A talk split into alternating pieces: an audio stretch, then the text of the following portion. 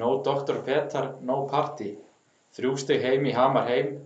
Rýr uppskera hjá öðru deildaliðunum og Þór Káa á toppi deildarnar. Þeir eru að hlusta á boltan á Norðurlandi.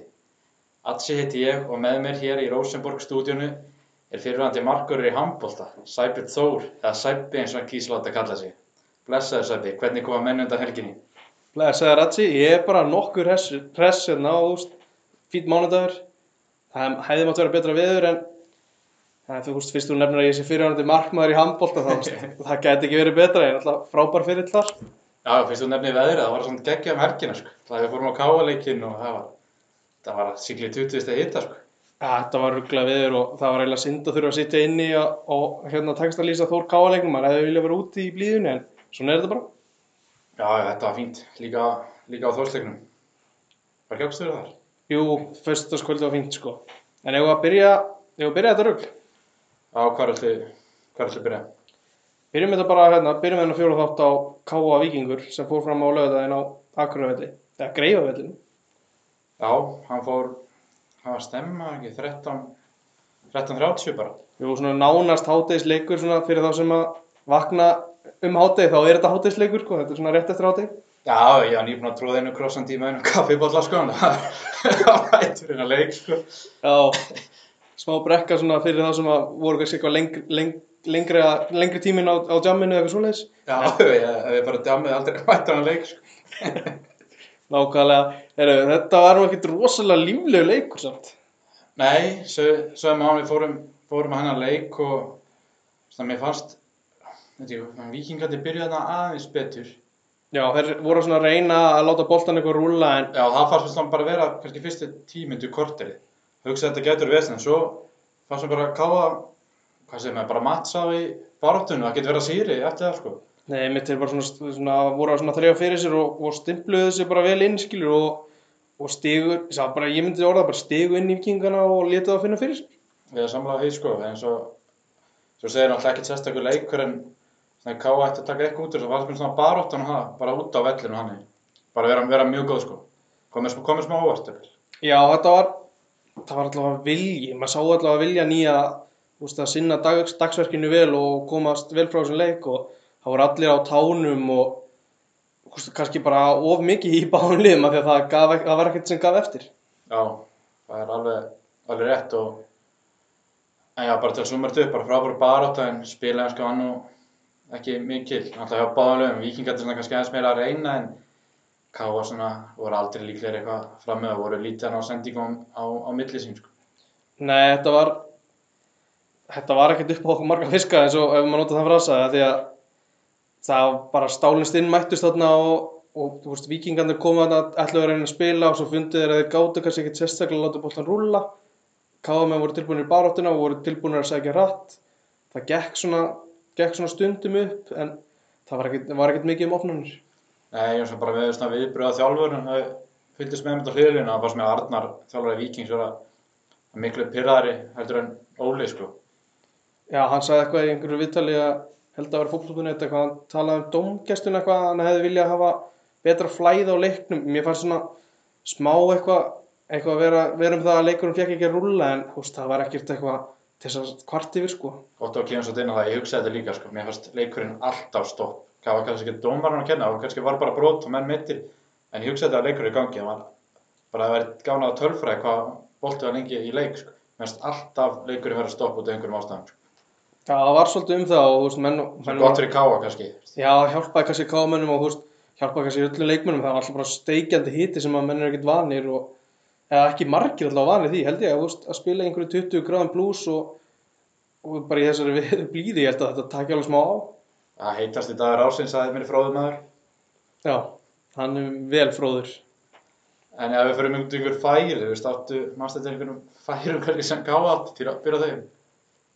Uh, það, er ógnuð svolítið þessi yngöstir, sem margt umtölu yngöst, þeir voru að búa til svona færi bara upp úr yngu nánast, þetta er bara langur boltinn og teg í, í fyriráleik var þetta yfir á næstöngin og það var svona reynd að flikka og þá kom upp hotspinnur en það var ekki dauðafæri, var ekki Ívar sem átti heila besta færi eftir hotspinn Jú, þannig að hann skalla, hann var ekki, var að varði, yngvar varði. Já, Ingvar varði í aðra- Já, alveg, það var mjög gott færi. Vel- Ég held að það eru mark þá, sko, yngvar varði vel. og það var, held ég, bara besta færi káa í þessum leik, því samlega því.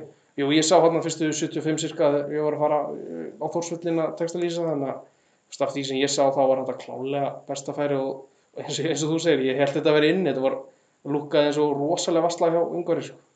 Já, og þetta var, þetta gerist í fyrirháleika ekki? Jú. Og alltaf vikingar er að langt besta færi fyrirháleiksins. Það er þegar, hvað hatti, kiksa? Það senda á kiksarn eitthvað. Ég veit ekki hvort hann var að setja til hliðar eða bara tilbaka, hann kiksar boltan og Óta Magnús kemur á hýrðir upp boltan og á fín, fínasta skot sem Aron verið til hliðar. Já, hann var það mjög vel og svo bjarga binni í kjölfærið ekki. Jú, Binni. Binni rennir sér fyrir og, og kemur í vekk fyrir að Ágúst skjóti í fyrsta og, og, og sóknin rennur svona út í sandinu og vikingandi fá hot sem kom svo ekkert upp úr. Já, þetta var, líka langt besta færi leiksins. Um, Já, ég, hef, er- veist, ég, ég held að þetta væri þarna 1-0 sko en, en Aron ver hann mjög vel og ítur hann vel til hliðar, gefur hann það. í fannst mér þetta alveg bara vera einhverja. Man ekki hvort þú varst farin, sko, á 88 bara, já, vikingar fengið aukarspyndur bara á línunni, sko, nánast. Það var, hvort það hefur verið upptatíma og dauði að færi fyrir óttar, hann setti hann einhverja 5-6 metri yfir, sko. En hann átti annað betra auki undan þessu, sko. Það var aðeins lengra frá og það, það fór rétt yfir. En annars, við sá aðeins út úr sem leik líka í Pepsi tilþrjónum í gær og þeir syngdu ykkur þrjú, fjör atvik, það var ekki meira, sko. Nei, þú veist, kannski bara summer þetta upp að ef að, ef að hérna föstuleikadrein eru þetta helsta að þá var ekkert mikið annað að tala um sko. Nei, nei, doktorinn farinn og það er eitt stið eftir tvo leiki og stjarnan út til næst, þannig að þetta, hvernig, hvernig líst þér á þetta, Jókáfa? Ég ég er ekkert allt og bjart sitt, stjarnan farið vel af stað með hérna Óla Jó og Rúna Pál saman, Haldur Orri komið stert inn í þetta og þeir eru með fullt úr stiga og bara ef allt væri eðlilegt vinna er káa heimavelli. Já, það er, það er rétt, sko, en var, það voru einhverjar, hvað smá breytingar frá leiknum út í já, Mikkel Kvist kemur inn í vardalina, Já. ekki rétt, og hvað var, Bjarni Aðarsteins Bjarni kemur inn fyrir hann- Andra Fannar, já. Andra Fannar, annars, annars var þetta breyns, ekki? Jú, með minni það, það verður bara sérst nýju sömu leikmenn og svo tveir nýjir inn í leik, leik káa og þú veist, mér fannst þeim þessi einmitt Mikkel og, og Bjarni komum bara vel frá sínu. Já, samla því, það fyrir betur það en að rétta til smá, en ég sé hann Gibril er ekki á bekknum, var hann ekki komið með leikheimild? Jú, hann fekk leikjumild þarna fyrir, hvað er ekki, tæpri viku held ég, ef ég manna þetta rétt, þá, þú veist, en kannski er hann eitthvað tæpur eða hvað það er, Já, sko. hann, já, það er rétt, hann var líklega eitthvað að myndur, sko. eins og Rodri hérna sem kom frá, kom frá Grindavík, hann vist eitthvað ennþá frá, hann búið til að búið að vera erfitt í honum, hann kom hérna í, maður ekki hvernig, eftir- eftir áramót. Já, og kom ekki í góðu standi. Þannig að hann svona, og hann er þannig stöðu bara sem þú ert að sína, þetta svipa haugur Páll kannski á val, þú veist, þú ert að hlaupa mikið og svona sína dugnað og ef þú hefur það ekki, ef, svona leikmenn hafa það ekki þá hafa þeir kannski ekki mikið meira í sínu leik. Og hann kemur í lélögu standi og svo alltaf kemur COVID og það hjálpar hann ekki og svo var held ég eitthvað vesinn heima þetta hjá hann á Spáni eða hvað er og en svo kemur hann og meiðist hann í æfinguleikum til Magna eða fær eitthvað sár fer með það til Vestmanneja og í æfingarleik þar og þá kemur við bara bullandi sýking og eftir það er bara búin að vera síklarliðum og ég veit ekki alveg núna hann er, hann er, hann er skárri en ég veit ekki alveg hvernig hann verður klár það er spurning hvort hann verði með eitthvað í byggarnum í meiri viku eða hvernig, hvort hann sé bara klári næstu helgi, maður veit ekkert, sko.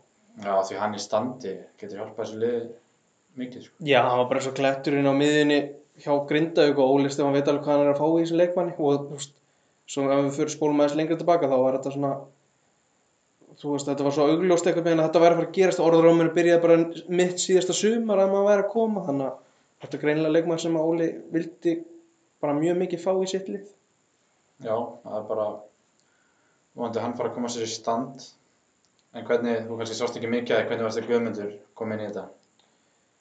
Það litla sem ég sá, það voru eitthvað tíu myndur eitthvað sem ég sá, þú veist, hann var bara allt í lægi, þetta er klárlega vopnin í teg anstæðingana og hann er, veit, hann er betri í fótbolta heldur margir gerð sér grein fyrir. Góður í, góður í að taka móti bolta og setja hendunum áfram í spil sko, þannig að veist, þetta er klárlega einhver, einhver hérna uppspilsmöguleiki fyrir Óla í þessu kerfi, sérstaklega að- að geta tekið við honum frammi og, og komið honum á grímsa eða, eða miðjumennina, hvernig það er sko. Já, það er alveg rétt sko, ég ætla að sá hann að spila 25 minútur hann fekk bara litla móði eins og aðrir bara svo nökkvi og þannig að þannig já, sem við vann einhverja skallabótt og svoleið sko og fekk einhver aukaspindurinn það er ekki mikið meira. Nei, þetta var bara bragdöft, þannig að, veist, ég held að við þurfum ekki að tala mikið meira um þennan leik, við erum búin að tala í tíu myndir, við þurfum að taka bara einhverjum fljótt er það ekki? Jú, bara einu hrattið þær. Uh, ég hef búin að skrifa eitthvað niður þetta með Aron Dagur í markinu gefa honum sjö. Hann var bara flottur heilt yfir greip inn í hérna þurfti og varði til þess að til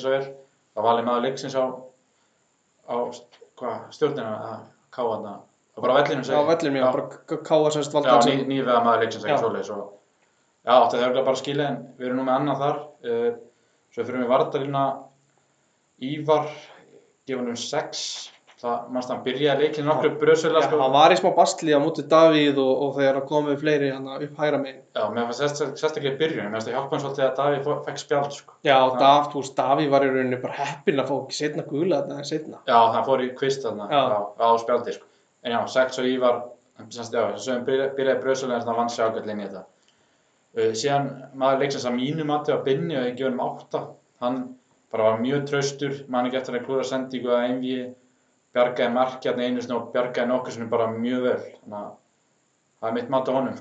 Já, mér fannst það vera svona, uh, að maður var bara vel vakandi í hvernig, leikurinn var að spilast. Mér fannst hann oft vera tilbúin að bakka upp Hallgrím og jafnvel bara mikil alveg hinum eins, sko, ef það var eitthvað vesen í gangi. Og svo, veist, þetta er besti leikur sem ég sé byrja að spila. já, alltaf var einhver umræð um það að að til að bara sopna í leikin sko.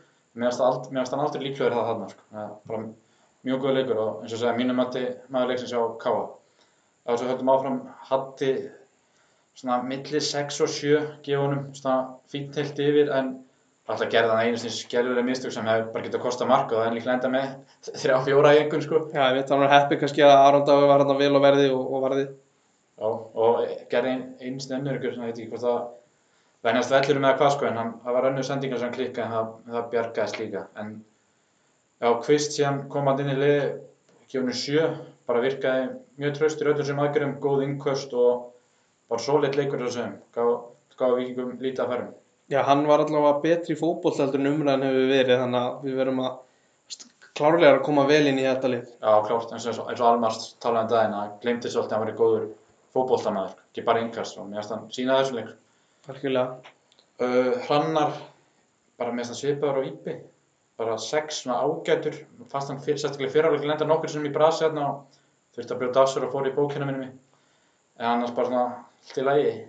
Já, ég man bara eftir í að þú nefnir að koma inn í bókin og ég man að Óli Stefán kallaði inn í svona alveg bara mjög hátt rannar veist, hann ætlaði bara að stoppa hana því að rannar var aðeins byrjar að tuði í dómaranum Hann, hann, hann um þetta tuðaði, fannst mér hellingi dómaran við þessum leik að náða til. þannig að hann vildi koma í veg fyrir setna gula Já, já. Uh, fyrir mér á miðuna, Almar, hann er í 6-5 gefjunum. Svona, eins og þú sagðir það, við vorum að leiknum svona ólsegur leikmaður og svona skilaði svolítið sínu en það var ekkert meira það. Nei, það var, veist, spilið í þessum leik var það lítið að boltið var mikið í loftinu og hérna, Almar, hann kann leikin og veit alltaf hvað hann á að staðsetja sig þar og góður að stíga út líka þetta er bara bara frá, frábært að hafa einhvern svona leikreyndan leikmann inn á miðjunni Já. KK Kláðar sko, ég ég held að hann sé ekki komin svona alveg í sitt besta stand átt, eins og í restina fyrst mann hafa átt svona gýr inni sko en það kemur bara. Uh, eins og á Bjarni er alltaf komin í liði uh, 6-5 og hann, mér finnst það bara komin fínt í hann leik, hann var jafnveg nála tjöni. Já, þú veist, ég var mjög hrifin að sjá hann í staðin fyrir andrafannar ekkert eitthvað, ég sá náttúrulega ekkert allan leikinu á móti skagan, menn mér finnst þetta eitthvað svona meira spennandi við að horfa á Bjarna. Það er eitthvað meira líf í honum, hann getur hlaupið meira finnst mér en, og, þú veist, og ég bara vill, vill hafa hann endina Já, komst veit ekki hvort þú varst eftir í, bara ákjósnend færi en vikingarnir náða að blokka þar. Þegar á skotinu þar, það er mögulega bara verið mark. Uh, Grímsi var þarna í hólunni, gefa hann um 5, því ég bara sammála því, að því hann á að vera langt bestur þarna. Jú, það er bara það skapaðist lítið, kannski grimt að gefa hann fimmuna en hérna, maður býst alltaf við bara svo miklu þegar maður er að horfa á Hallgrim Mara, sérstaklega á sem akkur velli, hann er bara mjög oft maðurleiksins og, og kannski, hann kannski tapar aðeins á því að vera með þetta mikil gæði sem allir vita af og alls ekki ná að bara sína þau í þessum leik. Já, uh, Nökkvi, hann 6, svona, kannski eitthvað svipa á, á Hallgrímur, hann hann bara fekk úr litla móða en var duglegur og allt það sko. Já, mér fannst það að vera bara út um allan völl einhvern veginn hlaupandi og viljugur í allt sko, sem að er bara akkurat það sem hann á að gera í þessu lið. Nákvæmlega, uh, og svo er það, já, Geiri, það er bara svipað eins og hann og með hina sóknarmenn, Já. bara sá slítið en vann mikið, sex, Já, ekki? bara, veist, það er ekkert, ekki, hann fór ekkert upp um einhver einhvern eða ekki niður um neitt því að það var bara ekkert að, ekkert þess að nefna sko. Nei. En já, eins og sem það er bara byggarleikur vikunni og ká og á móti leiknir Reykjavík og svo er það, er úti. Já, það er bara sigur, sigur í byggar, það er það sem að káma vilja. Já, já, svona, fyrirfram kannski allt í lagi að fá punkt á Víking, eða ekki? Jú, það er það sko, Þú vilt vinna heimaleikina, en þú veist, Einmitt. þeir- þeim hefur spáð góðu gengi en svona, stig bara fín komast á blaðallana. bara hefði við munað alveg því líkt um það ef að boltin bara og Ívari hefði bara farið í netið eins og, eins og allt leiti út fyrir úr stúkunni. Já, Hvaða leik viltu taka næst, Atsi? hefur ekki að taka Þór, Grindavík. Já, fyrir mig á förstu daginn, Þór Grindavík. Það var, það var ákveðt sleikur, svona, t- milli tve- tveggja svona toppliða í dildinni, svona fyrirfram áallað. Ég held að Grindavík hafi verið spáð öðru seti í fótbolta.net og Þór að ekki. Þór fjóraða. Þannig að þetta var, þetta var svona, var mikið, mikið undir upp á það að gera, sko. Já, þú veist og alltaf við fórum á þennan leik og mér fannst stórsararnir byrja betur. Þeir skoraði á, hvað myndu þeirra, við? Ég held að það verið sjö, sjöundi, já. Sjöundi, Þeir já. Fannst þess að við setna, að mér fannst þeir byrja betur og kom mér ekkert alltaf mikið óvart þegar skora. Það kemur semst alveg aðra alltaf helling í því marki. Bara býra eiginlega til eitthvað úr engu þarna, hristi vardamenn að sér að við endalinu sendi fyrir, svona skotsending fyrir sem Jakob Snæri mætir á og verður bara hörku færi sem er blokka og svo mætir Fannar bara á, úr af vinstri kantinum og stýrir það sinn, stöttu færi. bara á bara, þú veist, ef maður, ef maður svona horfið tilbaka, þá var bara mjög vel gert einhvern veginn hjá Fannari að lesa í leikin að vera mættur inn á, inn á tegin. Já, þetta vantar ofti á kantmennum, sko. hann gerði það mjög vel, finnst mér. Margir eitthvað sem bara staðið á fjæriskilu og beðið eitthvað, hann var mættur alveg fyrir, fyrir mitt markið, sko. Já, hann var bara, eins og við segjum, mjög vel gert. Bara svo, svona áframhald af þessu marki, þú veist, á tímasetningin var svona, já, hvað, sjötta, sjönda mínúta og svo voru þósararnir bara öflugir svona í nokkrar mínútur eftir þetta. Já, svona, já, bara fram á svona Svona, 13, 14, já, 15 mínúti eitthvað svoleiði, sko. Mér- já svona, ég myndi segja svona fram á 12 vegna þess að Grindavík skorar á 13. og mér finnst- mér finnst svona að vera Já, bara fram á markinu, hérna. Þú veist, vera smá í loftinu þessi sók sem Grindavík skorar úr þeir eru einhver svona í, í minningunum voru svona þrjú færi sem þeir fá í þessari sóknum að skora þannig að það var í rauninni maður beið bara eftir að sóknin kláraðist með markja þetta leit ekki vel út vartanlega já, þeir á það og ég man að vinstri kantmæri var aðleik. Leikmæri boltan á hvað sendi ekki á hann, Gaf hann yfir já. hægri og við vorum undrast, að okkur sett ekki. Og svo kemur annar skot og þósar að blokka eitthvað og bara markið hérna laga í loftinu og, Aron Jóhansson bara kláraði þetta vel að hann fekk boltan út teg. já uh, og svo eftir þetta jöfnumark þá, þá fannst mér eins og Grindavík átti bara þennan fyrri hálfleik Já, þeir fengur nokkur dauða færi, má ekki bara segja það. Jú. Þessar þeir hendur sér fyrir þarna 2-3 hörku færi, sko. algjörlega og mér fannst vörnin shaky uh, tíu myndum eftir markið minna að vera eitthvað svoleiðist þá kemur rángstöðumarkið sem var eftir fastleikatri Já, það var, var ekki smá sprítið. það var, við leit út fyrir að vera mjög tæft maður sá þetta enga veginn þar sem Já. við sátum allavega Vonlust að dæmi þetta, grindvikingur var allan ekki sátti með, með það. Nei, og, og svo voru bara fyrirgjafir og, og fleiri sem fyrirháleik sem að bara voru að valda miklum usla í þessari vörð sko. Já, bara eins og segir, ég held að 1-2 hefði verið sangjart í fyriráleik. já, ég held að það sé sem bara, já, sangjart að segja það sem, sem áhverjandi á þessum leik sko. Uh, svo var það setna áleikurinn það var svona ægilega annað upp á tegnum því að finnst það svona rólegt yfir hún Já, það, með hvernig setnáleiku var, þá fannst mér þetta bara að vera eitt leitt leikur, sko. Það var lítið að gerast, lítið um færi og bara svona mjög, mjög jafn leikur. Já, mér fannst einhvern með Þórsar að vera meira með boltan, það var svona mín upplifun. Kannski var það bara eitthvað síðustu 20 en svona heilt yfir fannst mér að þeir voru meira með boltan í setnáleikum. Og það lág í rauninni ekkert eitthvað segumark í loftinu þegar að það svo kemur undir lo lokin.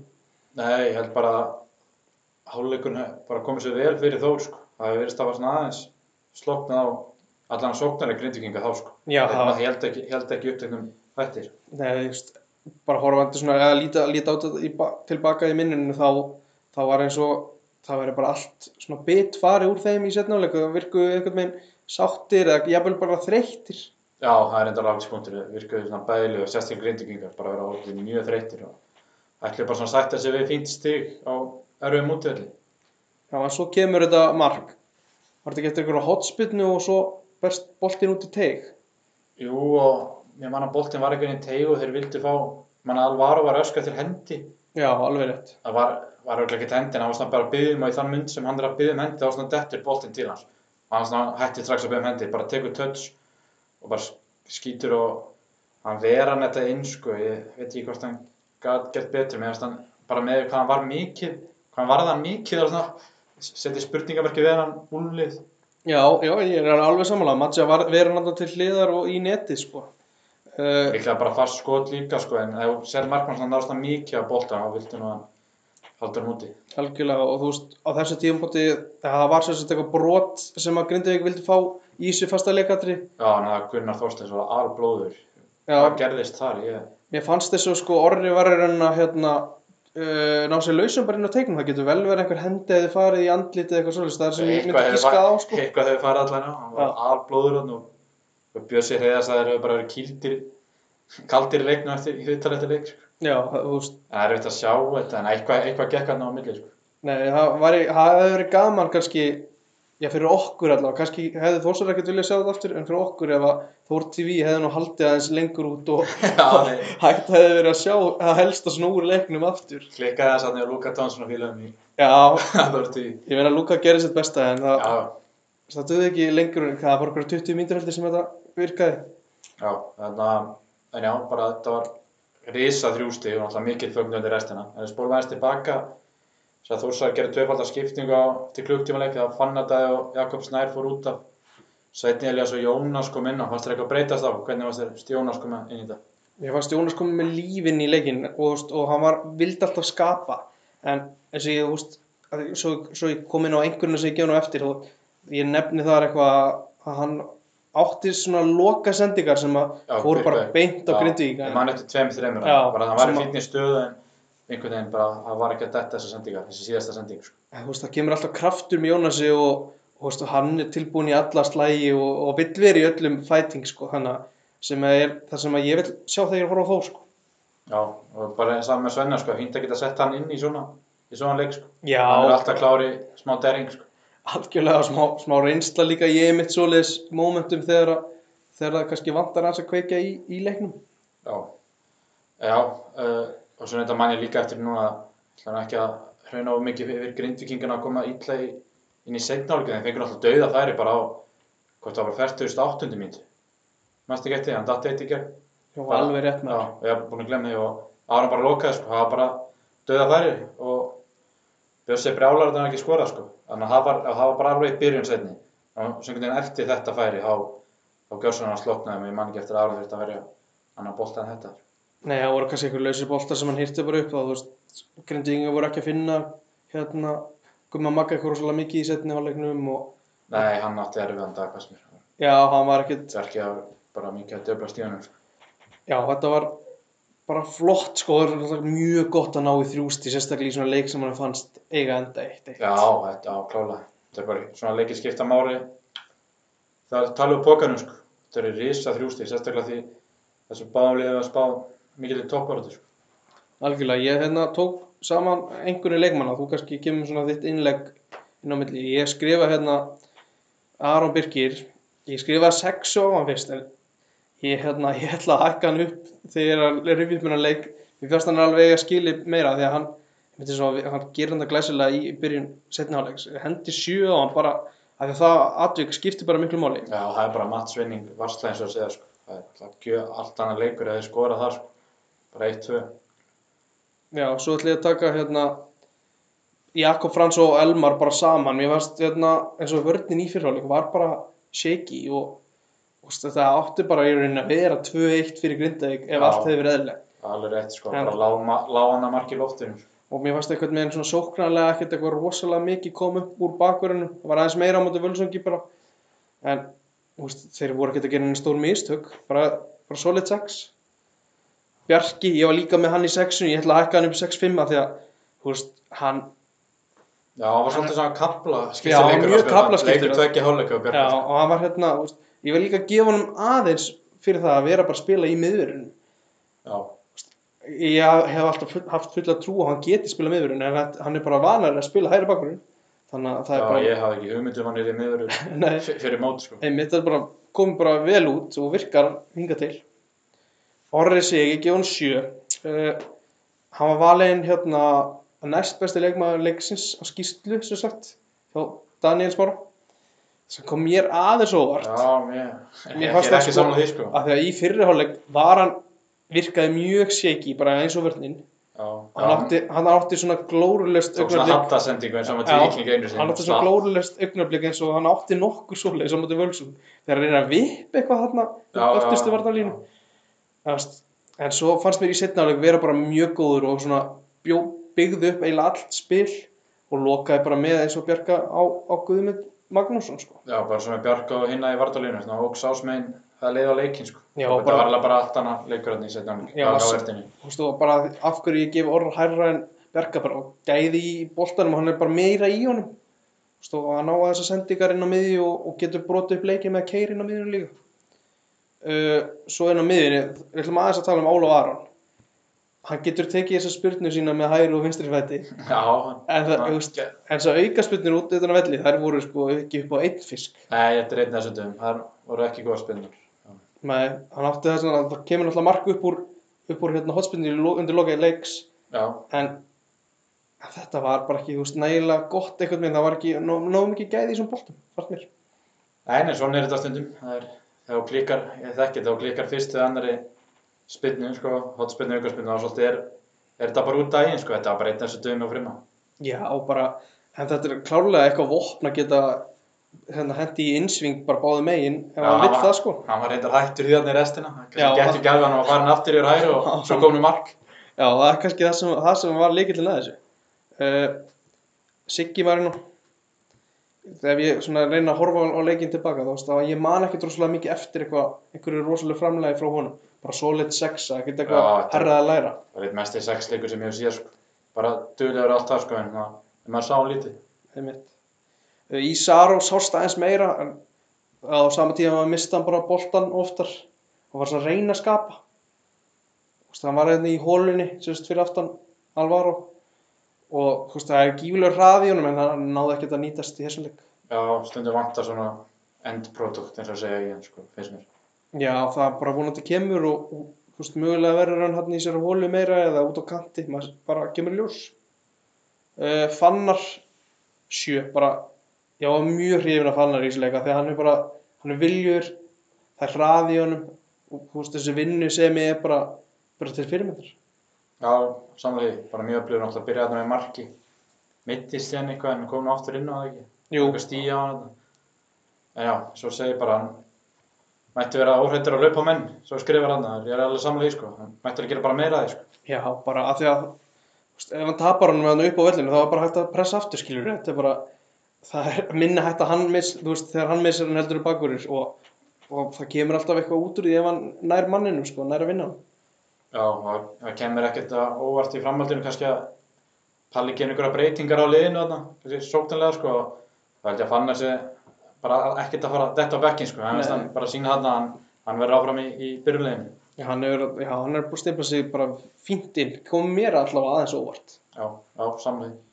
En svona yfir í næsta mann sem hefur ekki alveg náða að stimpla sig jafnvel inn, það er Jakob Snæra því að við rættum hann svolítið í uppbytun á þættinum. Að hérna, við vorum bara bjart sínir á að hann myndi ná að blómstri en það kom rosalega lítið úr húnum. Hann var bara duglegur, ég gef hann sexu að því að þú veist, það var ekkert, það var ekkert eitthvað að missa hann eitthvað gíflótt, það bara kom ekkert út úr neinu, sko. Mér finnst svona eins og sjá það smá á hann og mér finnst vanta sjálfströst sko.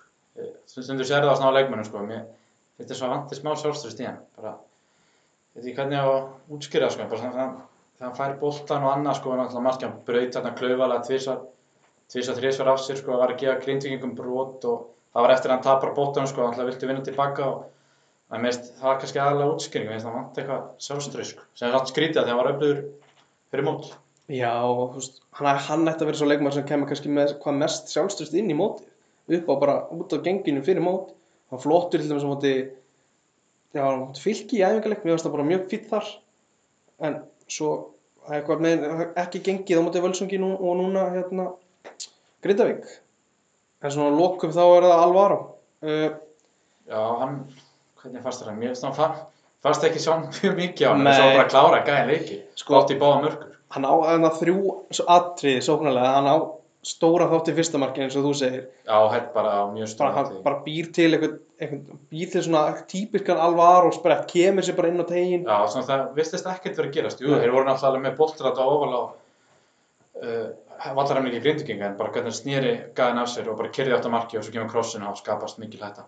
já, ég gef hann sérst, já, sjö í einhvern og uh, hann átti mjög góð, hann bjóð sér í rauninni bara til sjálfur, mjög gott færi áður en að Sigurmarki kemur, þegar hann er að skíla hann er að stíga út einhvern veginn í vardamannin og er svona eiginlega hálft ettand allan tíman inn í tegnum og skýtur svo yfir Já, það var, það var gott færi, Já, við glemdum nefnda það hann. Það var besta færið þeirra bara í já, setna sko, fyrir þann markið sko. Já, hann, það var talað um eitthvað víti þarna en, Já, þú veist, fannst það hann- var aldrei víti, hann hann var bara ekki neitt, sko. jafnvægi sko. uh, en þú veist, eins og ég nefni hérna oft, oft verið hérna sínilegri í leiknum en hvað viltu svo frá, fá meir en sigumark frá framverðinu þínu? Já, hann bara kláraði hann leik. Þessin er alltaf inn á ellinu sem aður, tekur hann ekkert út af sko. Nei, hann er bara á vonandi eftir að spila sig enn betra form og vera bara enn sínilegri Já, mér fannst hann, fannst það virka svona ferskar í þessum leik heldur um út í völsung sko.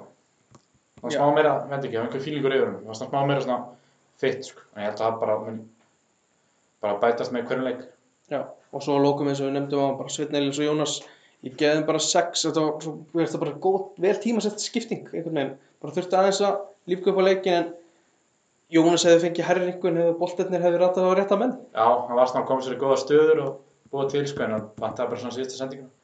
Það lókum kannski hvernig varst það Siggi þrastar í þessum leik. Hann má fá einhver, einhver köll á senda á stúkunni sko. Og svo þetta er kannski elskar hann ekki beint sko. sko Siggi, hann var í brasi á móti völsungi og svo var hann víst ekki góður í fyrsta leik í Pepsi þegar hann var að spila hérna og var að dæma í vikinni uh, mér fannst það bara fín svona allavega út á velli og bara í þessum litlu atriðum að, mér fannst hann ekki að vera að spjalda neitt vittlust og ekki að flauta neitt ómikið það er auðvitað, grindvíkingur getur örgulega sett spurningamarki við bæði rángstuðuna og svo hérna Sigurmark Þósara Já, alltaf rángstæðan ekki honum að kenna Nei, sko, en- þú veist, það er erfitt að meta það. Já, og ég ætla líka að gefa honum bara hitt sko, það er alltaf vonlaust að sjá þetta sko. Er- Hann fær klárleika höggunni, fyrst að hann Já. en það er bara, það er ekki sens að þú sér það eitthvað sem gerir svona hratt. Nei. Bara víta til hún stappaður af leikmannum sko. bara, þú veist, fyrir dóngestunum svona heilt yfir leiknum, ég myndi bara, þú veist, ef ég hefði verið að gefa hann einhver, bara sjö á hann með við það að hafa ekki séð þessi atrið aftur, sko. Já, já samlega, bara fýll leikur á sig. Uh, Nó aft, já, þessari dóngestlegu spurningum um að fara í næsta leik. Já, ekki bara halda áfram í lengjadöldin og fara aðeins er IBF Magna. Það er hratt, það er kannski ekki, sama ekki mikið þessum leik og þannig að ekki þú heldur. Nei, ég sá ekki í sekundu, við vorum bara í stúkun og akkur að velja að fylgjast með textalýsingunni. Já, ég sá reyndar aðeins eftir það að IBF tók upp leikinn og sá svona helst atvik. Uh, já, alltaf, ég minn, ertu með þetta hvernig er að skora aftur fyrsta marki? Það er Gary Martin bara eftir Jú, Garri, hvað var ekki eitthvað kortir sirka? korter, já, ég held að það var eitthvað svo leiðis. Og já, það mark sem sagt, veist ég, Svenni þjálfari talaði um það eftir leikinn eftir viðtali heyrði að að það verið auðvitað hægt að koma fyrir þessi bæði mörg sko og ég, það var, ég er bara sammála með því. Þetta er, þetta er hotn og það er eitthvað klafs og þetta stupur verðin út í teig og, og Gary Bens hann gerir þetta veit ekki, þetta er svona pyrrandi mark að fá sér, fast leika þegar sem boltinn dettur döður og hann bara mættur einhverjum hálfsmetra að færi. Klassískur gammur í tegnum, sko. Já, já. Og, já, og annar markið skorar Guðjón Ernir Hrafnkjelsson og ég sá það mark líka á, á YouTube og það er auðvitað hægt að koma veg fyrir þetta. Veit ég hvort hann sé hæri bakfyrir að kallmaður, það er annarkvort og fær hann út á kantinum, kemur hann svona völlinu hann er, þetta er bara skot lengst utan á velli með vinstri og hann er vist rétt föttur þessi strákur, held ég að sé farið með rétt mál og vindurinn virðist einhvern veginn grípa boltana, virðist vera að vera leiðin yfir og svo dettur einhvern veginn niður og, og stuppur bara ræður ekki við það. Ég veit ekki hvort það vindurinn eða hvað en þetta var, sem segi, þetta var bara skot á löngu færi. Já, ég skil ég, og, var þetta, á, þetta er sem sagt áður en að Gauti fær svo rauðarspil. Já, þetta er 6 minnum áður, sko. Þeir eru komin í 2-0 áttan til 27 minna leik og já, Gauti fær auðvitað á 33 mynd. Sástu það atvik eitthvað? Já, ég sá það, það var eldraut. Bara í, það var mjög skrítið sko. Hann bara hefur mistið hausinn einhverju, einhverju sekundurna sko. Það kemur hár bolti og hann fer í skallemi við víði og veit ég hvort hann var eitthvað ósöldum að víðir, hann kerði kannski smá í hann og þegar þeir lenda og bara fer gauti með báða takkana og neglir í maðan á, á víði sem liggur eftir og bara hár eitt ákvörðin að reyka gauti út af fyrir þetta. Mjög þurfið svona fyrirlega að gera þetta. Já, þetta, er, þetta hljóma bara mjög heimskulegt og að ég er ekki búin að sjá þetta aðtveik bara hvernig hún er dettur þetta í hug. Já, ég veit ekki hvort eitthvað átt sér stað þeirra á milli hana hans og við þorfara fyrir leiknum að hvað var, ég held ekki sko. Það var bara, við erum eitthvað stuggaði við honum, þetta var nú ekki mikið, þetta fannst, fannst það bara að vera skallemi og, og Gauti lendir segnir á bakkinu og svo bara kom hann takkandir upp sko. Svenni þjálfur sagði eftir leik bara að þetta hefur verið háréttu dómur og það segja bara að þetta hefur verið réttu dómur. Já, algjörlega. Og þú veist, og Hlýtur bara að vera ósóttum með fyrirlega sko. Hann bara setur á þarna tjónun undir í mútið bestari deildir hann klukktím eftir, útveðli. já, tíu menn. Já, Já, en það er nú skemmtilegt að því að þú segir klukkutíma eftir, eða skemmtilegt, það er bara, það er svona áhugavert að IBA hafa ekki einhvern veginn bættu fleiri mörgum á tíu markamenn. get lofa því að það menn verið að setja pening á þetta eftir að Gauti fær raut sko á Íbjafnir ræðin mörgun og það kemur mér mjög Svenni sagði við Ítalanda að setna alveg verið góð æfing bara í varnafæslum og það hefur nú skilað sér helviti vel sko. Ég veit ekki það er átt- áttur lengur færi sko en Magni bara múraði fyrir og Gary Martin tvítar hann eftir leik mann ekki alveg hvað hann segir fyrst sko svo hashtaggrað The Great Wall of Greinvík sko. Það það segir kannski svolítið hvernig setna áleikurinn var. Já, það, ná, já, ég get ekki svona ímyndið mér allavega hvernig hann hefur spilst. En já, já, bara 2-0 tap kannski bara ágætt eftir allt saman þetta. Ég held að hellingalöfum hefur nú gjössanlega brotnaði þeim og tap þessu 5-6-0 sko. Já, þetta er, ég held að þetta er úr því sem komið var, þá er 2-0 bara ágætt einhvern veginn en maður horfir á það þannig. Já, ástu, IBF skora þessu tvö mörg það eru jafn margir í liðunum sko. og fórum með þetta á hvernig mörki voru og, og þá bara Magni hefur bara staðið sína pliktana varðanlega sko. eða eins og setna marki bara eitthvað langskot sko. Já, það gera svo sagt, uh, magna, menn gera fjóra breytingar frá byggarleiknum á móti KF. Uh, Frosti, Krissi Rós, uh, Gauti og Hjörvar kom inn í, inn í liðið sem sagt og, og veist, það er spurning hvort hann breyti miklu núna fyrir leikina á miðvikudaginn á móti HK út á Greinvík. Já, ég held að hann breyti allan að einhverju sko. Það er ástæða fyrir því að spila þétt og ég held nú bæði Magni og svona alltaf Háká sem eru eftir að breyti líka lítið þetta á bara þessa keppni bara sem einhvern bónus sko. Já, ég held að, já, einmitt, bara, fyrst, ga já, bara, sorry, bara gaman að fá Háká á Greinivík sko. já, fyrst þú nefnir það þá held ég að HK allavega gerir klárlega hellingabreitingum hjá sér sko. Algjör, algjör bónuskeppni fyrir þá sko. Já, klála það. Það eru bara, það er bara svo skemmtilega leikur. Já, uh, ef við þá að fara í hérna næsta leik, ef við kannski að kíkja á Þór Káa, hvernig líst þér það? Já, bara vel. Það er voru sérst að spila á lögdæn, bara ekki beint í kjölfarið á Káa-leiknum, er rauninni hófst sá leikur. Já, þú fórst á, þú fórst á hann leik. Já, ég var að texta lýsa fyrir fótbolta.net þar. Uh, þessi, þetta var rosalega rólega leikur, þetta var sérst á móti IBVF og svona fyrsta kortir það gerðist í rauninni ekkert. Ég var eitthvað, í textalýsingum var ég bara eitthvað að segja hvað leikir eru í gangi og segja að það væri gott veður sko, okkur svoleiðis. Það varst að hvetja fólk á öllin og Já, meira. þetta var eitthvað svoleiðis nefnilega þegar svo, svo eiga hérna eiga konur einhverja tilraun sem að fer að mér minnir alveg vel yfir mark Þór Káa en kjöl, eftir það þá var þetta bara einstefna á mark IBVF í fyriráleik og þær skora fjögur mörg áður en hálfleikurinn er úti. Já, allt í vá. þetta var bara þetta var veistla að fylgjast með því. Þetta var bara mjög vel spilað sérstaklega já, sérst hjá okkar, okkar konum í, í Þór Káa því að uh, IBF það voru svo sem að geta eitthvað gal að opna sig en, en bara öll færi voru nýtt ég held að Þór Káa átt fimm skot og fjögur þeirra fóru inn þannig að það var bara vel gert líka að halda hreinu, sko. Sérstaklega að tvö nú lifir í hálfleik, sko. já, þetta var Ótt sem dettur svona eitt, tvö mörg inn, sko. Ég held, ég held nefnilega Andri Hjörður hafi ekkert verið neitt allt og ánæður þó hann hafi sagt kannski annað í viðtali eftir stjórnuleikina því að stjarnan bara var ekki að heilla neitt og Nei, samt. samt tókst að skora Já, Ég held að- hérna, hann hef alveg rætt þetta við sínar, sína leikmenn í vörninni að, að engin heimskuleg mistök og það, það voru engin heimskuleg mistök. Og ef við förum í mörkin þá kemur fyrsta markið eftir að hérna, Hulda Ósk keirir inn af vinstri vagnum og inn á teig. Á sem sagt svona einhverja skot fyrir, ekki finnst mér sem auður í marki IBF verið út í teginu og Margrét opnaði bara mætt þar og hamra boltan í netið. Og svo, svo láta bara Þór Káa knifilga kviði og hérna og annar marki kemur eftir fast leikættri Karen á spytna á fjær og Arna Sifur bara, þú veist, kemur svo djúft inn í teginu IBF og skalli bara hamrar, hamrar boltan í netið Ekki fyrsta markinu og svona líklega. Nei, þetta, þú veist, og ég talaði um þetta við hana eftir, eftir leik, hún, er, hún elskar að skora og, þú veist, og þetta var bara bónus í 4-0 sigri, sko. Uh, þriðja marki er svo, já, það var bara ótrúlega mark. Margrét fær boltan einhvers staðar hægra megin, eins og fyrir utan teg, snýr inn á völlin og bara lætur vaða. Boltin er, maður horfir, sko, það, það er eins og þessi sínt hægt að því hann alltaf á leiðin einhvern veginn upp, svífur og svífur, svo bara ha hafnar hann í, sérst, við fjárstöngina. Bara óverjandi skot og bara smell hitti boltan, sko. Bara klárlega markleiksins. það er bara eftir hálftíma leik. Já, og svo í uppbóta tíma fyrirháleiks var það Karamari sem skorar eftir upp úr hotspinnu eða spoltið bara einhvern veginn hann er eitthvað, veist, ég held að Jakobín hafi tekið hotni og svo það er hvort þessi skalli sem er svo skallaður út Karamari er bara mætt og hamrar henni nettið þá, veist, leikurinn er bara úti þar náttúrulega, þú veist, fjögunum þá kemur ekki tilbaka, sko. Nei, gott að vera að nýta líka fyrstu leikatriðin vel.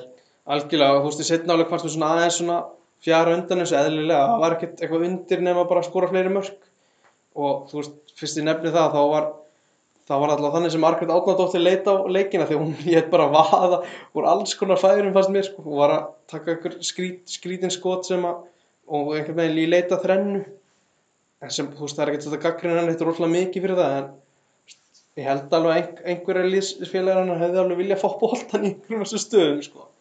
uh, Já, það er í rauninni ekkert um hann að setja álega að segja nema bara, veist, ég kem betur inn að höldu ósk í, í einhvern að gefa hann eftir en hún var sífælt ógnandi og fekk tvö frábær færi sem sagt, eftir bara spretti, sína eigin spretti og bara hefði hægilega getað skorað annað mark en mar markmaður IBF var bara frábær í setna álega Já, þetta er bara góður sigur eins og við tölum um í uppdæðættunum, bara að vinna þessa tvo heimalegi. Já, og þú veist, og Það báðum liðum, það var spáður ekki frekar neðalega.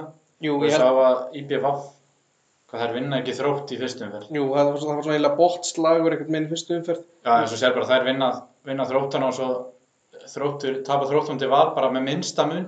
Já, Valur á að vera bestar í deildarna sko og svo slátra Þórkáða núna í IBF og það getur allt, allt gest í þessu sko. Já, ég held að stíða ekkert annað en að vera svona bjart sitt fyrir leikinu á móti val. Þetta getur, uh, það var ágættu maður sem sagði samt að, að, að að valur kannski skora snemma þá getur þetta orðið vissinn, sko. Uh, já, já, já, með smá punkt að því þetta reddi náttúrulega andra Ólafs þjálfara í BF eftir leikin. Hann var ánægð með setnáleikinu á sínum st- stelpum. Eðlilega getur hann kannski ekki hrósað liðinu fyrir 4-0 undir í hálfleik já. en þær eru allavega voru að reyna að sækja en það var ekkert vesinn á Þórkáa vörninni í setnáleik og Hann hefur líklega bara lagt um að fá líka ekki mark á sig í setna áleik sko. Já, þú veist 4-0, þú, þú, þú, það, er, það er skárra að fara heim 4-0 heldur kannski 6-7 Já, já, vilt ekki fara, vilt ekki fara alltaf fleiri mörg á þau sko. Nei, uh, Huldakarinn er tekin af velli í, hálfleik hún sem sagt byrjar hliðin á örnum sér í miðverðinu uh, við rættum þetta aðeins í fjölmiðla hérna, aðstöðunni að hún var í smá brasi með hérna, framherja IPVF og, og var komin á gulaspjald og ég held að Andri Hjörvar hafi bara lesið hárið rétt í leikina að ekki bjóð upp á mögulegt setna gula eða, einhver, einhver hérna eitthvað atvik það sem hún gæti ekki brotið af sér. Þannig að hann tekur hann út og hann setur hérna Huldu, Huldu Björg inn á sem að bara og svo fína leiki miðverðinum uh, bara loka mólin áður en við förum í hérna einhvernig gjöfuna hjó eftir í viðtali við andra að það er, hann gerir sérst þrísusunum einfalda skiptingu á sínu lið IBF og ég spyr hann bara af, var, ekki spurning um að setja fleiri leikmenn inn á eða nýta skiptingaglugana eitthvað öðruvísi. Og hann segir sem sagt að, að það er þeir, þeir voru ekki með fleiri útileikmenn heldur en bara þrjá Já, Beck, Já, Já. Það, var bara, það var bara markmaðurinn í bóði í viðbútt. og fyrir hann ekki bregðar en það.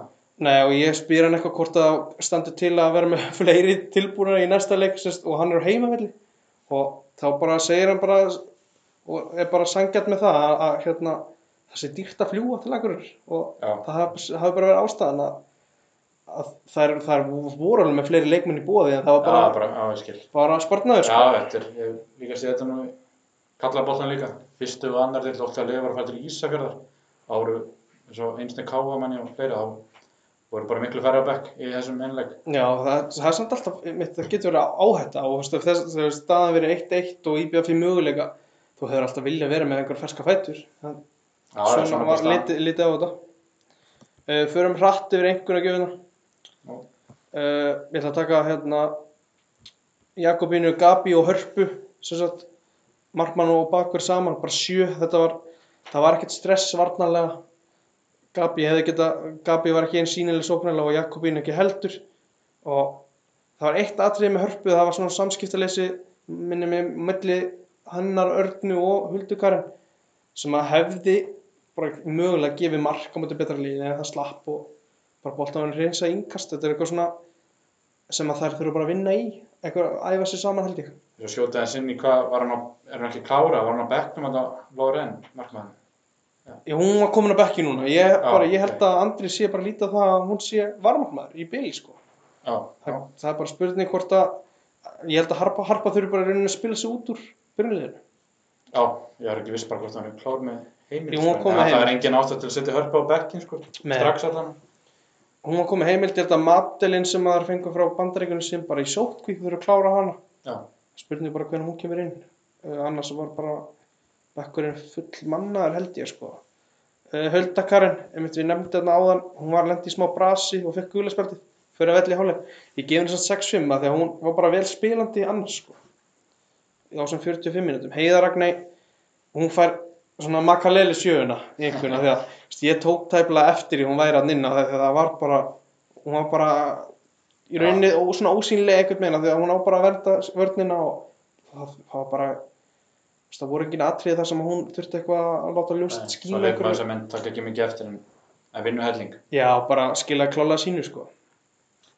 Berglind Baldursík hún fekk átta í fyrsta leik hún fær sjö núna því hún var bara það var einhvern veginn ekki sama sömu svona gæði sem kom í ljós í þessum leik.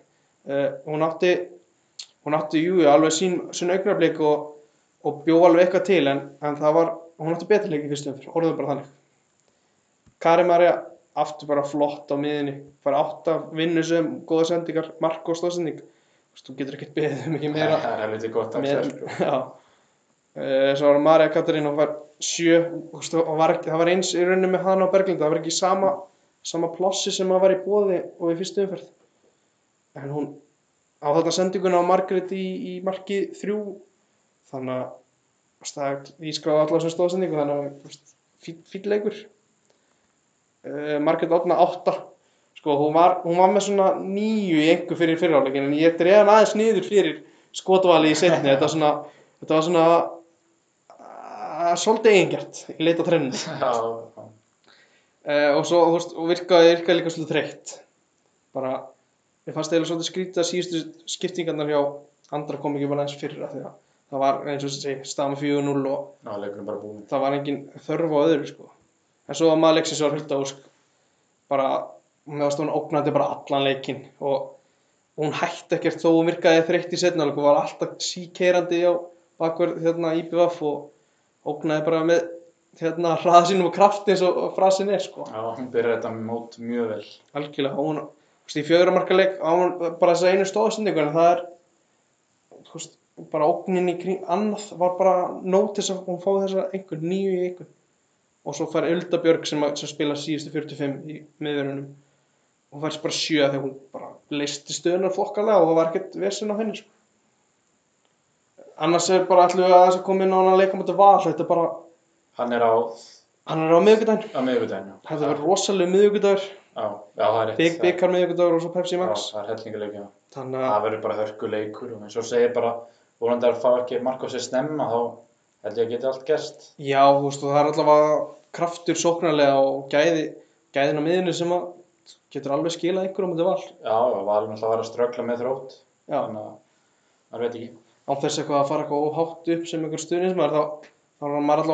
Já, að að brattari núna heldur en fyrir mót, sko, fyrir þennan leik. top of the league, eins og Það er hann bara átt að eitt í Já, gæti gerir ekki mikið betur. Uh, en annars eigum við þá bara að fara í næsta leik.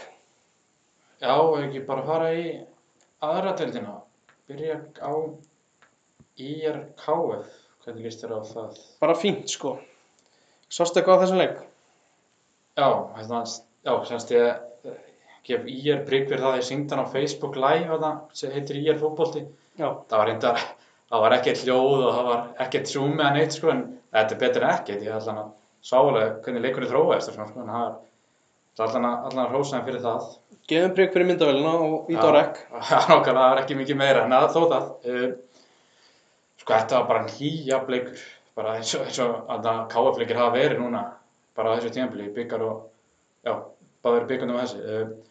og, Fyriráleikur mjög jafn og hann má eiginlega segja að kom bara eitt færi í heimleik og þá skoraði ég. Viktor fekk hann þarna hægra meginn tegnum og alltaf öflóðið upp og sett hann bara í fjæri óverandi fyrir Dóra. Og annars var eins og segi bara lítið í þessu sko. Baróttan í fyriráleik fannst mér fannst þú mjög góð, þetta var, bara 50-50 en eins og tölum um fyrir mót og það sem ég fannst skína í gegn í þessum leik var sóknarleikur. Hann var engin, bara engin í, í sættingar fyriráleik. Við vorum ekki eins og líklega til að skapa sér færi sko. Við var inn og vann einhverja eina, tvær aukastundir bara topp en svo var einhver tvö kannski skot, einhver löngu færi en annars bara held ég að við hefum rétt mitt þetta fyrir mót, bara varðarleikur mjög sterkur en ekkert að frétta svolítið. Uh, svo fyrir setna áleikin, hann er mjög svipaður, þannig byrjunin og svo fyrir. Þetta er bara mjög jaft en svo hann Mílo breytingar, setur Kristoffer Andra inn á miðjuna, Ljúba, Ljúba mér Delits kemur fram og Haldur Mar kemur í bakvörð og það var svona að haka aðeins svolítið sko. Þá fannst mér svona að taka betur yfir leikin, heldur boltanum betur og áfram í er var svona meira bara að gera ykkur að skyndir svona þá sem hann sá kannski ekki alveg fyrir leik. Hann haldi þetta að vera auðvögt en þeir ætlu reyna bara að verja fórstuna og já, KF sóttu meira og svo hann alltaf dauða færi til að jafna leikin en hann varði verið stórkvöldslega markinu. Hann fær ákissans boltan í flottu færi ágætti skot sem var út í teg og þar kemur Haldur Mar sem er bara nýkomin inn á og hörku skotin, það var bara styrtlu markværsla sko. kjölfur af því fengur KF fengur þrjú fjör hótt og já, ég vel líka þess að gagna þessi hótt sko. ég heyrði það líka Míla var eitthvað perur út í það sko. þetta er þá færð hótt og ert með sterka hafsenda, bara svona gott lið það eru tvö hótt sem bara eru tekinn frá hæri og bara skotin yfir hinn minn bolti verið gæst inn í sko. það er ótrúlega pyrrandi að hóttn eru bara fín færi fyrir KF sko. Já, það er ansið blóðið, sérstaklega í svona, já, ég hef bara lokið um leik að að geta ekki nýtt þessi aðri. Já, ég var bara ríkala að byrja að horfa á þetta heima sko. En já, og svo þetta var, það kom reyndar ekki mikið, mikið að færum eftir þetta. Þannig að bæli fáið rauninni bara eitt dauð að færi þessum leik. En eins og ég segi, bara vardaleikurinn bara mjög góður. Ég man ekki eftir að Dóra þurfti að vera skot held ég en svona heilt yfir var er líklega einhver svona hænu skrifi á undan og bara reynsla þess að skora er og, og sigla þessu heim sko. Viktor er með þessa gæða löp sem að bara var munurinn á liðanum. Já, klálega, og þetta færi sem hann færi er nánast verra en KF færi, hann bara setur hann í fjæði, sko, og overandi. Uh, en bara sem ég sagði á hann, hann bara öskrar á mig hvað vantar sóknamenn og ekki bara mann heldur menn. Uh, hann er vist ekki ennþá komið leikheimild, þarna Wilson gæðin, sko, sem er slæmt, ég held að hann hefði hjálpaði mikið þessum leik, svona er sterkur og hefði getið haldið bóttunum på topp. Svo er ekki alveg viss hvernig hinn á einhver breyti að koma, ég er ekki alveg viss hvernig hann kemur, þá, þá er bara að fara að gerast og ég, ég þurfa nöðsynlega að fara að fá þessa menn inn. Er eitthvað fleiri leikmenn, veistu eitthvað um það, er eitthvað fleiri leikmenn til skoðunar, eitthvað á láni, eitthvað svoleiðis? Nei, ég held ekki, held að segja bara alveg þessi tveir sko, sem ég eftir að koma inn og jú, hvort þessu kannski eitthvað skoða sem, en ég, ég held að koma ekki inn mikið meira. Þetta er svolítið skrítið, sérstaklega með Wilson, þegar langt síðan hann var tilkynnt þessi leikmann KF. Hann, ég skil þetta ekki, hann kom fyrir COVID og hann sagði sjálfur að þetta rettast í vikunni að magnalögur var og að ég verð bara að kynna mér þetta betur í vikunni, ég veit ekki alveg að stuðna á þessu sko, en þeir, verða að fá einhvern svona inn sko, það, það er mjög mikilvægt, en alltaf fyrir mót var þessu íarlið spá sjötta sæti og KF á langu neðsta og ef þetta er sjötta besta liði deildina, þá held ég að KF fá bara bullandi sens í þessari deild. Já, þetta er allavega, þetta er jákvæð teikn varandi þetta, þetta er allavega útvelli líka, KF þekkt fyrir sin heimavöll, þannig að... Nákvæmlega, ég bjóst að byrja þessi leikum myndi enda verri en svo bara nýjaft, svo segir, og er í Mílo og hann tala, hann tekir hann til viðtali punktur neðt eftir leik og hann var ekki nægilega sáttu með spilamennskuna sem ég skil og þá var hann bara að tala um spilamennskuna, ekki baráttuna, það náði ekki mörgum sendingum á milli sín og og hann talaði um að miðjan hefði svolítið orðið undir, það var ekki fyrir en breytingan að koma þetta sem að skána sko en þetta var bara ekki var ekki nægilega gott en á góðan degi hefði getað náð stíði sko. Já, það er bara, þau verða að koma núna í framhaldinu. Já, svona áður fyrir einhvern bara tvo punktina yngri, ég hef ekki, veit ekki alveg hver staðan á honum, hann æði eitthvað í viku eins og hættan, veit ekki hvert sé aftur árið mittur, þannig að bara er ekki með nógu góður uppsengur það, en hann var allan ekki í hópi þessum leik og já, verður maður ekki að rosa dómar um stundum, minnst þetta mjög vel dæmdur leikur, ég er ekki alveg með hreinu hver var að flauta þetta, Stu, og, Nei, ég var ekki ekki með að þetta fyrir, fyrir frammi sko, en ég ætla allan að gefa þeim það sko, bara svona dæmdi aftur að báða bóa og held svolítið held flæðinu gangandi vel og bara bara rósa hann. Já, það er um að gera rósa þegar að vel er gert. Þannig að spurningum að fara í einhverjundar þá bara Já, úr breiðoltinu. uh, Já, byrja svo Dóra bara það er sex á Dóra, hafði ekkert að gera og ég skora einu færinu sinu sem hann á ekki sens í annars bara góður í fyrirgjöfum og spytunar svo fínar, það var betra þetta í síðasta leik, þannig að sex og hann Bjarki hæri bak, uh, fimm var meðast hann í brasi og hann var tekin út eftir einhvern klukktímaleg fannst að skána svolítið eftir að haldur markum inná svo sem í fyriráleik var hann alltaf lægi svona vartalægin, eins og tölunum ára kemur lítið sóknarlega Andri Snær var komin aftur í liðið, mista magnaleiknum hann var bara sex það var bara, sem ég segi, bara öll vörðin hann fannst það bara mjög mjög solitt, skilaði sínu Birgir Freyr Andra á miðunum drukkurinn, hann var öflugur, ég hætti sjön hann var hellingan á þeim og let hann að hýringa finna fyrir sko, og nokk, þetta byrjar að fá ekki brot en hann er lúmskur í þessu, hann stígur inn í menn sko. það er ekki mikið aukarspundum á sig sko. Birgir er bara byrjaði að móta vel. Já, sannlega mjög vel. Óliður tók vinstri bakverðin, strákur frá að opna fyrir því. Svipað og Bjarki, sko, hann fýtt varnarlega uh, en lítið sóknarlega. Þannig að það er bara sex. Uh, Miðjan, Emi, Nick Pál, Króatin var mættur í liðið. Ég hendi sjö á hann. Mér var svona skást, skástur í káflinu. Mér var svona, var svona líflegastur og veist, að hann sá, þú veist, ef hann hefði gefið inn á þetta, hefði hann ekki náð mörgum sendingum á, á millið sín, sko, en hann sátt svona til þess að liðina og tengja einhver sendingar saman og sjást svona gæðin á honum eina er kannski hann hjekk stundum aðeins svo lengi á boltanum og var eitthvað, svona, eitthvað sjálfur og, og hann þarf að bæta varnarleikin svolítið. Var ofta að sleppa manninum og það er sérstaklega þessi gæði með gæði sko og hann stjórnaði svolítið fyrir þetta miðinu og það gjörum sjö hrannar snær var að miðinu sex allt í lagi ekki gott Mm. barðist en að, bara eins og frá öðrum að kom lítið sóknana var strögt sóknana Uh, Jón Óskar var með mig á miðunni 5, meðan það bara eitthvað þreyttur, ég hef séð betri. Var alltaf sama baráttu hennum eins og er alltaf en en það var svona, eins og segi, fannst það virka þreyttur og spilaði bara klukkutíma.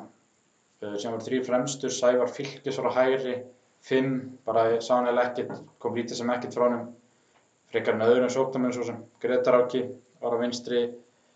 Það var, hann svipar á Magna átti stákið þessi rispur, vann vel og svona fína sendingar en í lókinn bara tapar hann 2-3 boltum það mjög, var sem er kæruleyslega og bara síndist að hann var mjög þreyttur. Það, þegar káði fara að sækja á það sko. Og já, Marino 6 bara sóknarleikurinn lélur, fekk úr litla móða er hann þannig að djöflast að með það og vera svona, setja pressu og ne- neyðir í eringan í, í langa svoleið, sko, hann gerði það vel Já. og Haldur Már og Kristoffer kom átt inn og með þeir kom mjög fint inn í þetta, ég gefum, báðum sjö og þeir spila með svona skána eftir að þeir komu. Ok, það er vel gert. Uh, minn maður, Hákonlega, var hann ekki með? Nei, hann var eh, bara ennþá mittur eftir hann að magnalega þetta. Ég veit ekki alveg hvað langt í hann er, hann verður eitthvað, kem ekki orðið klári í, í næsta leik. Þurfum að fá hann inn sem fyrst, það er minn maður í þessu. Já, hann verður með, þetta er ekki rétt að vera mættur næsta heimaleik, hann gerir náttúrulega brjálaður, þegar ég víði heima næsta helgi.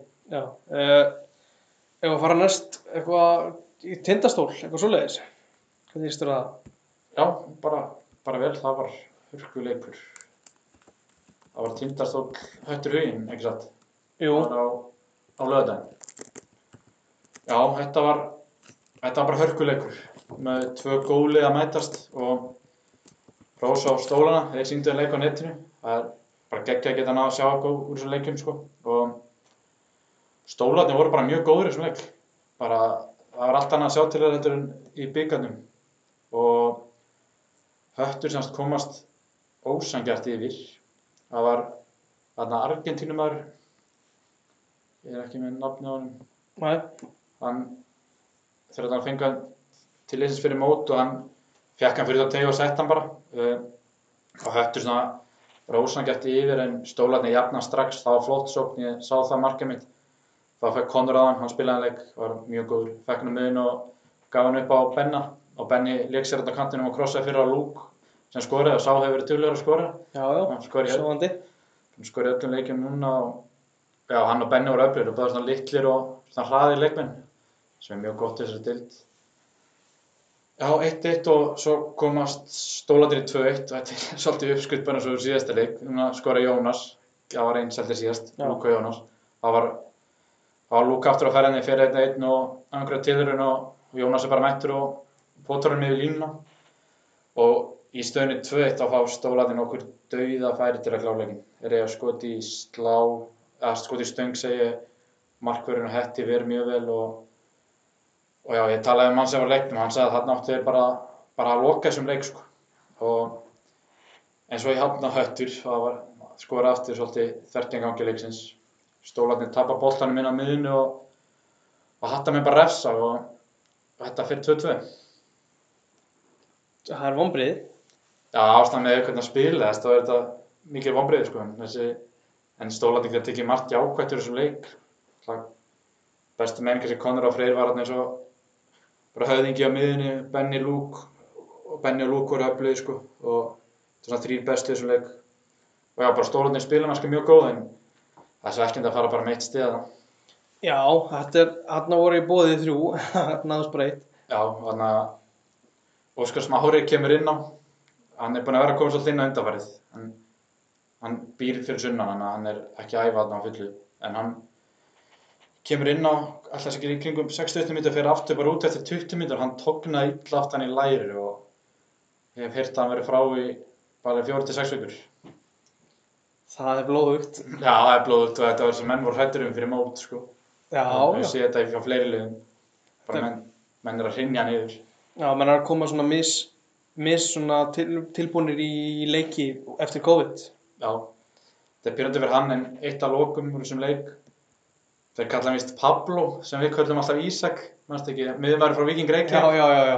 Ég sá myndband af þessu og hann sérst tapa boltanum, hattar minn að sækja og Steinar Aron leikmar fram mér í hötta með boltan og Pablo semst tæklar, fer bara í boltan augljóslega en svo fylgir hann all hressilega eftir með báðum löpum og ég hugsaði bara strax raukt, hann slapp með guld en ég bara heyra að Steinar Aron verið mögulega frá tímabili sko. Já, Þannig að það er bara bata hver hann, þetta, þetta var glórulust og ég hef nú heyrt bara eins og heyrið frá KF og heyrið nú frá Tindast og hann getur verið svolítið viltur í leiksinum, Pablo. já. Ná, var búinn að ná, búinn að gera vel að tekla boltan en svo bara kom þessi óþarfi og tvær lappir, hann bara fylgdi teklingunni alveg út í gegn sko. og bara heppinn að hangin á, á vellinu. Ég ætla að ljóma þannig með við lýsing. Áhugavert hann sem kallaði Pablo.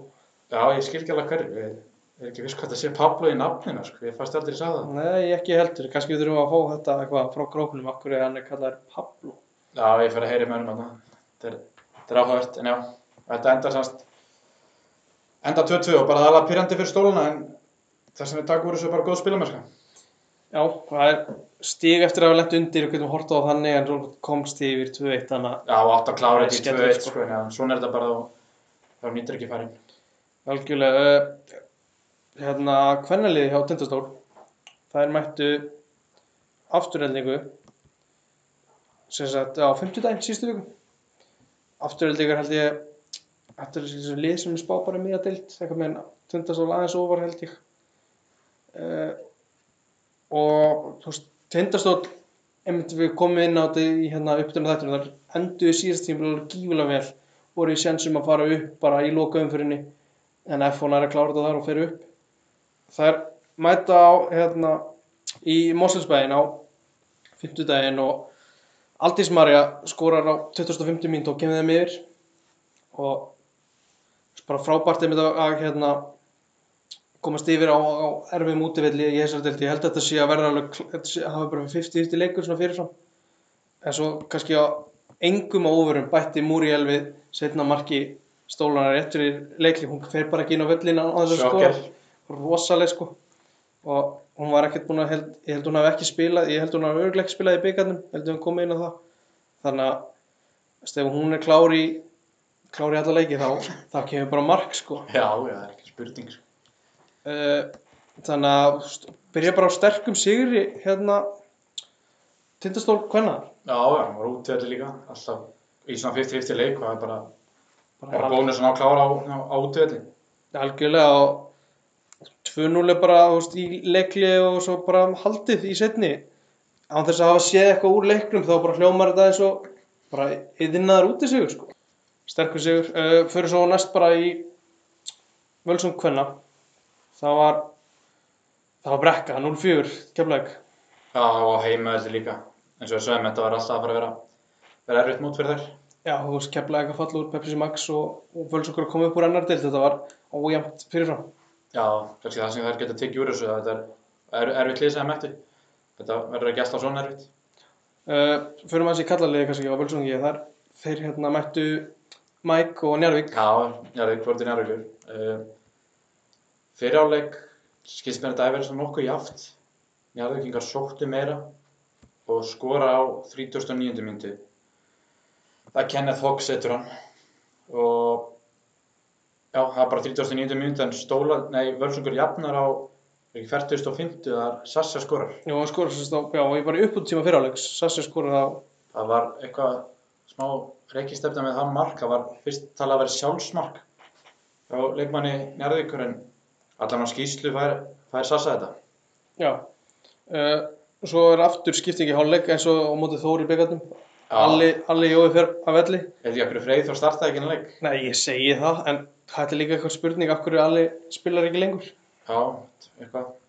Uh, svo fá, það sko, skoraði Stefán Birgir fyrir Njarðvík og kemur með 2-1 og stuttu síðar fær Njarðvík vítaspinnu sem fyrir hendi og sem Stefán Birgir tekur að hann, hann ver hann í búrinu, hvað, hvað heitir hann? Valdes. Valdes. Já, ver, ver vítið og frákastið.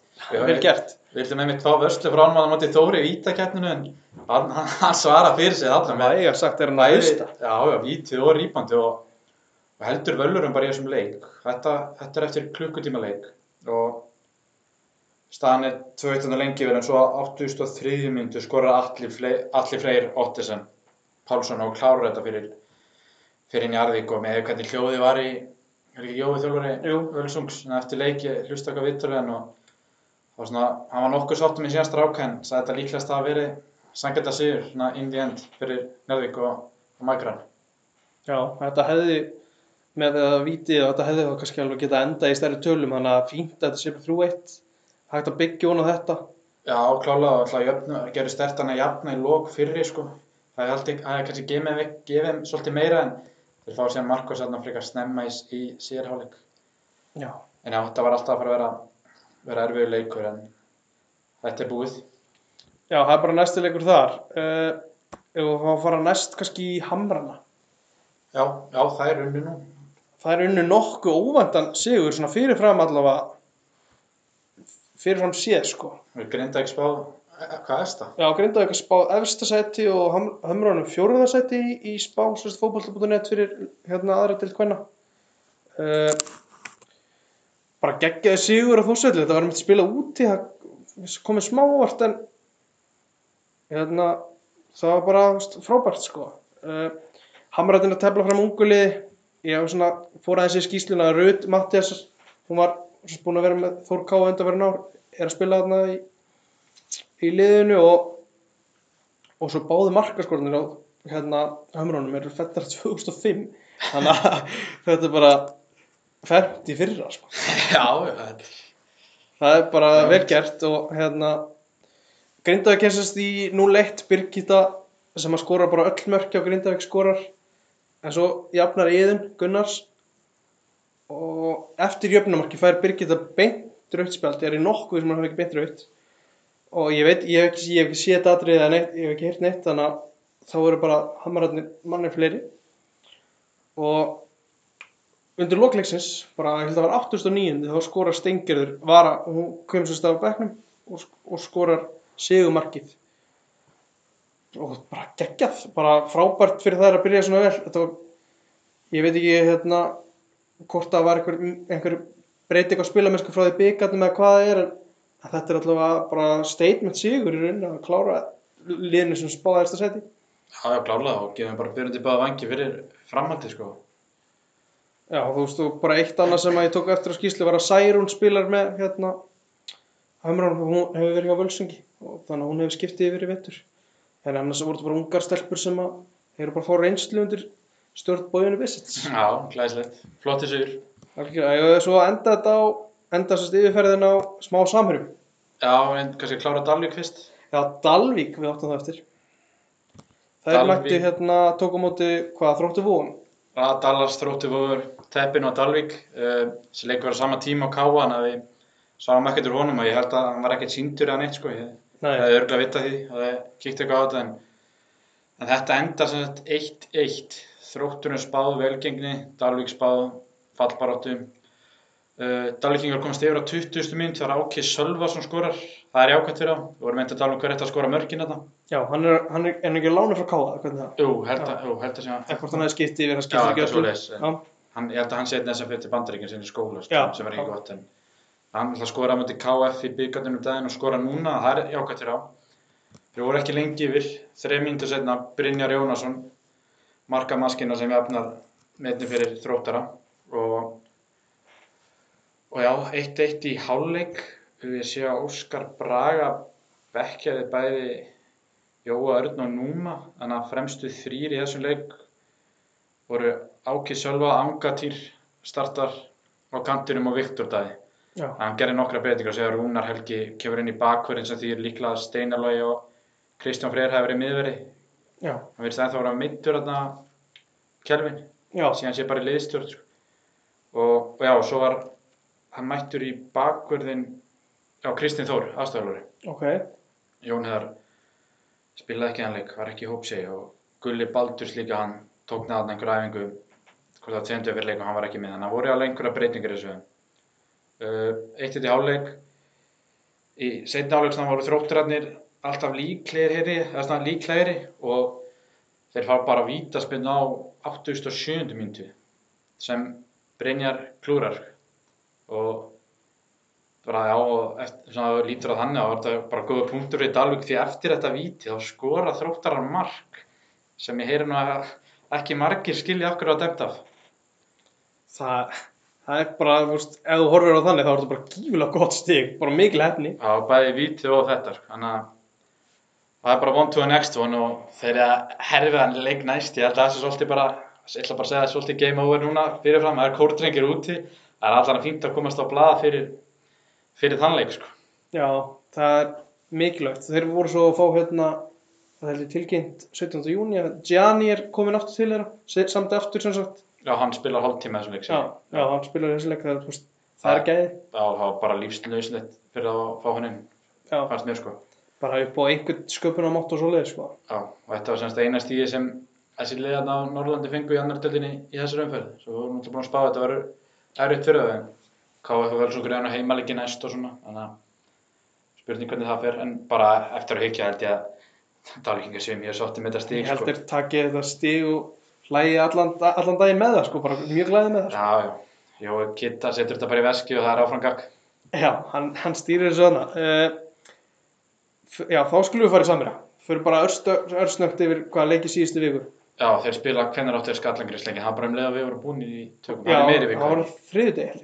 Já, það var semst fyrstur ykkur deild og þeir tapa 4-0 á mútið Skallagrím. Það sem ég hef búin að heyra þessum leik var að Skallarnir hafa ekkert verið mikið betri. Það var markvörðurinn hjá Samir að var svolítið að klikka í tveimur eða ekki þremur mörgum og það bara kostar svo mikið í þessu. Og, en annars já, bara svona nokkuð jafn leikurinn og tölurna bara miklu stærri en það er átt að vera en, en Samirinn hafa eitthvað verið kvart yfir þeir var að spila svolítið þétt sko. Það voru náttúrulega í byggarnir og, og þeir er ekki alveg sáttið við það. Nei, með að vakti mína að tegla allavega smá að, að sériðlinn hafi myndi verið eini riðlinn sem að fór fram aðna á þriðju degi og er, ég, ég veit ekki hversu mörg lið og sériðlinn voru áfram í annar umferð, samir er hann fóru áfram í aðra. Það er bara leikja álag. Já, það er bara leikjöla og Ágúst sem hlauparinn sem skoraði fyrir á ekki deildinu svolítið. Hann er meittur.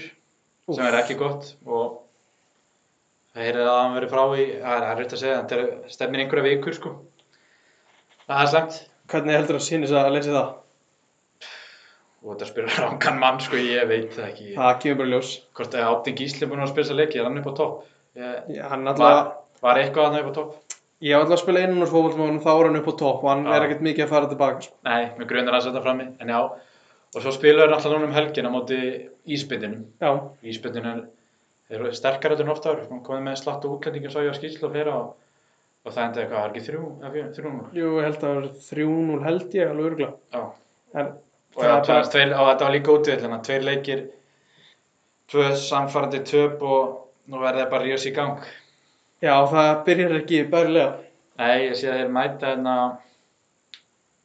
hvað er þetta? Þeir eru að heimaleik næstu helgi, á móti KM, klukkan þrjú á sunnudegi. Og það er bara döð að fara á siglinn fyrstu stöðunum, er aldrei að vita nefnir, er ennarn út eftir að kíkja eins á já, þetta. það verður bara gaman að kíkja aðeins á þá. Uh, því að annars er ekkert mikið við þetta að bæta. Ef ekki bara aðeins að kíkja á leikina sem eru í miðri viku? Jú, þetta er sannst, það er byggarn ekki satt sem er í meiri viku. Og það er bara á, við sem stökum þetta upp á mánudagi, en á morgun er IB8 tindastól, það er erfitt verkefni fyrir eigamenn. Já, Nei, fyrir, já, jú, fyrir eigamenn, Já, já. stólana líka svo sem. er mjög erfitt verkefni fyrir eiga menn sérstaklega Það er þriðdæðin klukkan 6, svo á miðvikudag það er hörkudagur. Það er Káa Leikni Reykjavík um, klukkan 6. Þór Reynir Sandgeri, þú verður á honum, hann er líka klukkan 6 á miðvikudag.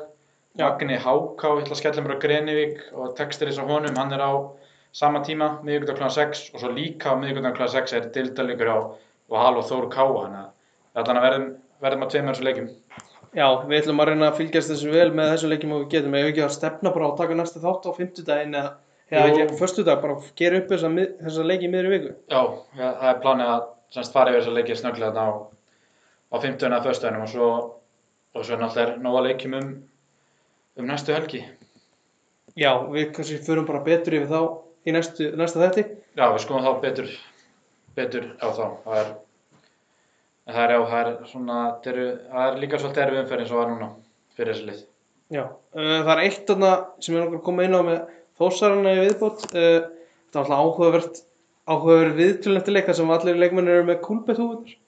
Bara við nýjast í þessu er að káa sér að skoða þetta mál og, og þú veist, það getur alveg enda þannig að þósararnir fá einhverja sekt fyrir þetta. Hvað finnst þér um þetta svo sem þórsara? Þú veist, hvað finnst þér um þetta múf?